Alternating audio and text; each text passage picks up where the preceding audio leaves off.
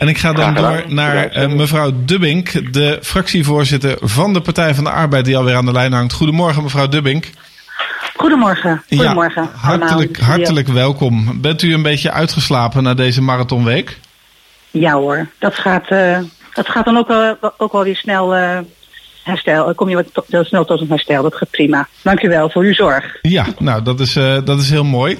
Um, ja, maar dan mag ik daar nog even iets bij aan.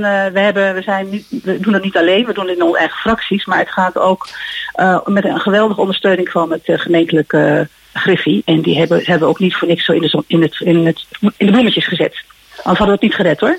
Nee, nou, uh, u zult van mijn kant nooit bezwaren hebben tegen compliment voor de Griffie. Um, ik kan u ook inderdaad melden dat uh, wij in de voorbereiding gisteren driftig aan het printen waren geweest. En aan het eind van de dag waren de pagina's op de website ineens verdwenen. En dat was niet omdat, uh, omdat het was weggehaald, maar omdat op dat moment ook al alle stemmingsuitslagen waren toegevoegd. Dus je kunt op dit moment op de website houten.nl van iedere motie en ieder amendement ook zien wie er precies voor heeft gestemd en wie er precies tegen heeft gestemd.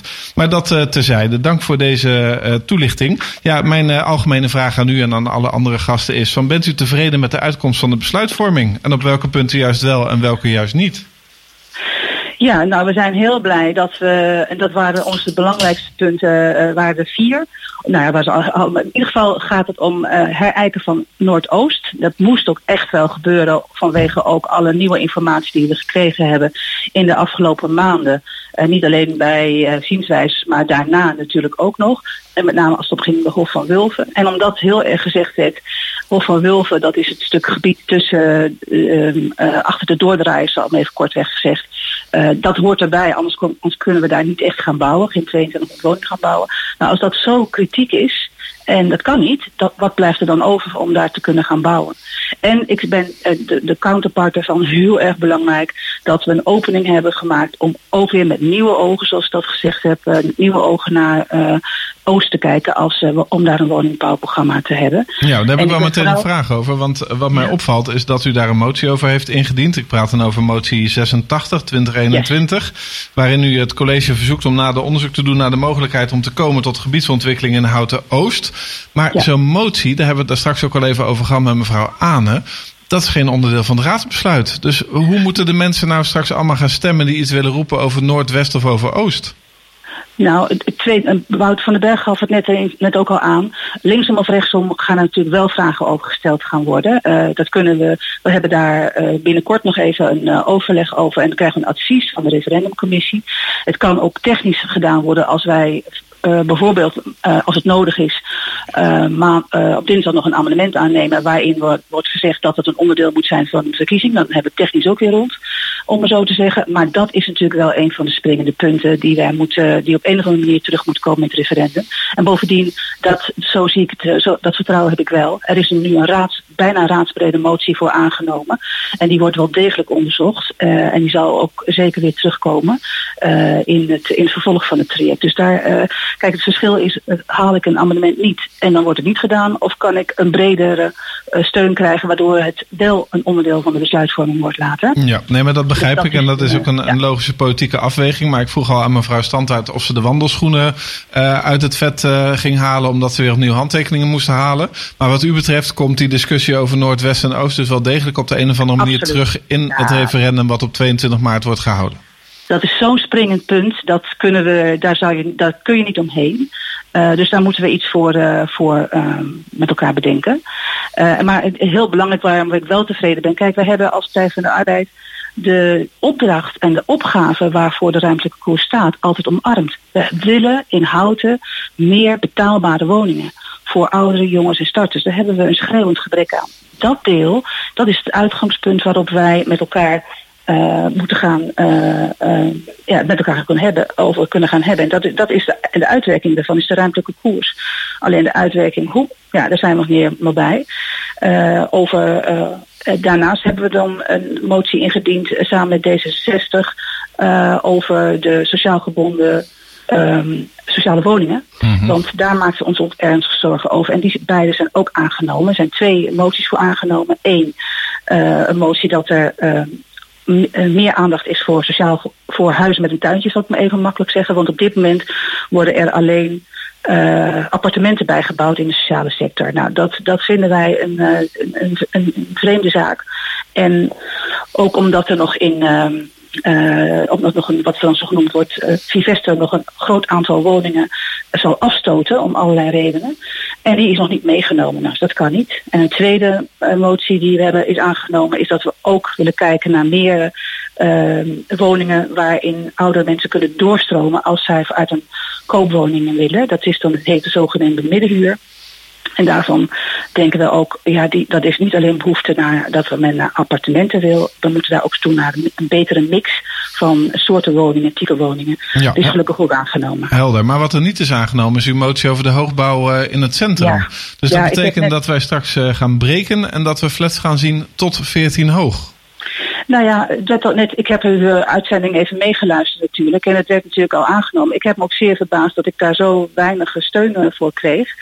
Uh, maar je zou kunnen zeggen, het was een beetje stuk in de middel. Voor mensen die helemaal geen hoogbouw waren, ging het uh, niet ver genoeg. En voor mensen die voor hoogbouw zijn, ging het weer veel te ver. Maar het probleem is daarom natuurlijk niet weg. Het uh, probleem is dat mensen zich zorgen maken over die 14 hoog. Ook die posters die er staan, die suggereren dat we overal 14 hoog komen. Dat is een, een enkele malig het, het geval. En, maar er speelt nog veel meer bij. Uh, dat, dat kan je nog uit de praktijk werken dat dat niet schering en inslag zal zijn. Maar je hebt wel te maken met een aanbieders en markt- en projectontwikkelaars die lezen dat het kan. Ja. Dus dat betekent dat je daar uh, iets mee moet.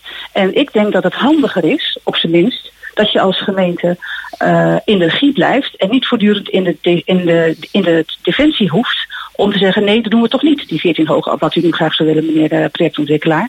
En dan ben je, uh, dat, dat kan je voorzien door lagere uh, hoogtes aan te bieden, maar wel een optie, wat eventueel kan. Want we hebben natuurlijk ook al een 14 hoog gebouw, dus het is ook al ooit een keer toegestaan.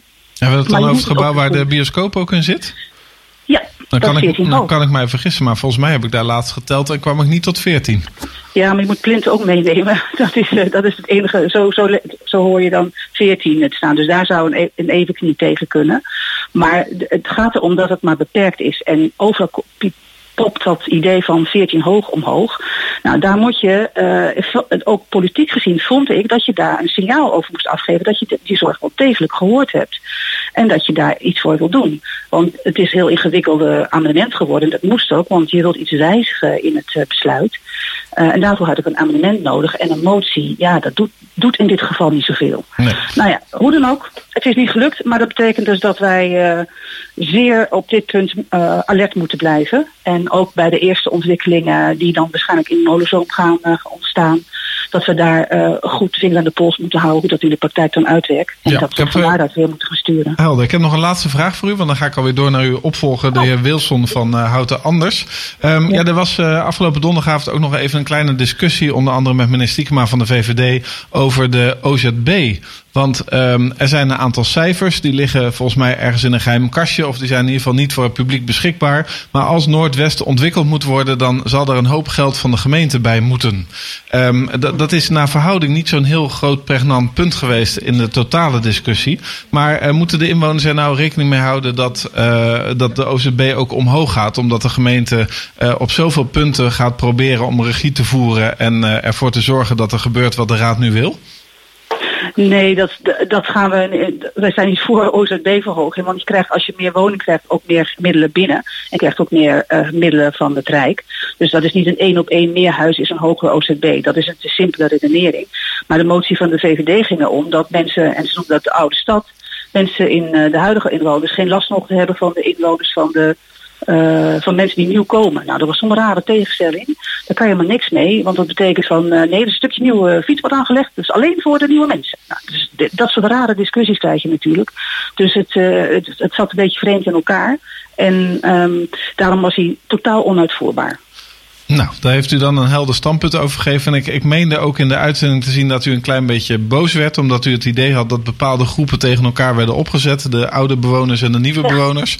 Maar um, daar moeten we op een later moment nog maar eens even met elkaar verder over praten. Want de manier waarop je natuurlijk je woningvoorraad vormgeeft en ook in de, de combinaties, leidt er natuurlijk ook wel toe dat je verschillende bevolkingsgroepen uh, in die woningen gaat krijgen. En het, het huidige DNA is natuurlijk dat iedere wijk goedkope huur, dure huur, goedkope koop en dure koopwoningen heeft. En de vraag is of dat evenwicht in stand blijft met de ruimte koers. Nou ja, dat is natuurlijk wel wat wij willen. Dat hebben we, dat hebben we tot dusver altijd op een goede manier gedaan. Kijk naar Castellum, dat is een totaal andere soort wijk in, uh, in Houten geworden. Daar is ook een goede mix gekomen. Er wonen ook een andere soort uh, inwoners dan in het oude dorp.